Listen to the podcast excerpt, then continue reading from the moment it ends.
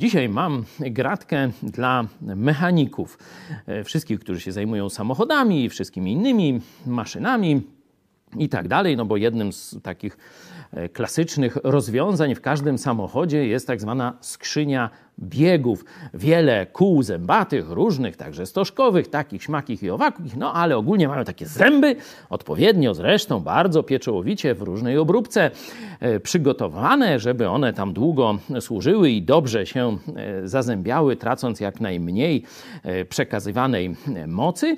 W każdym razie, w każdym tych klasycznych samochodach była zawsze skrzynia biegów, właśnie gdzie przekładnie zębate były główną częścią. No i wszyscy do tej pory myśleli, że przekładnia zębata no to jest wytwór człowieka. Jakiś inżynier, jakiś tam może starożytny i tak dalej zrobił takie najpierw wstępne koła te zazębiające się, żeby przekazywać moc z jednego wału na drugi, a potem no, zrobiono już takie fajniuśkie te przekładnie nowoczesne.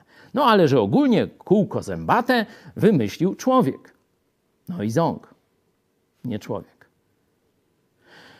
Oto taki owad skaczący, nazywa się Isus po łacinie, ma właśnie w nogach taką oto zębatkę, przekładnie zębatą. Dokładnie, bo tu widzimy dwa koła zębate, przynajmniej ich elementy, wycinki, czyli mamy przekładnie, nie tylko jedno koło zębate, ale całą przekładnię, nie? dwa koła zębate. I teraz tu zobaczcie, jeśli widzimy w samochodzie, wszędzie wszyscy mówią, no ludzie wymyślili koło zębate.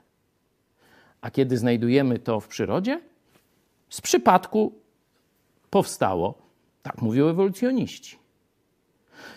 No dobra, zgódźmy się, że z przypadku koło zębate mogło powstać. Ale tu nie mamy koła zębatego.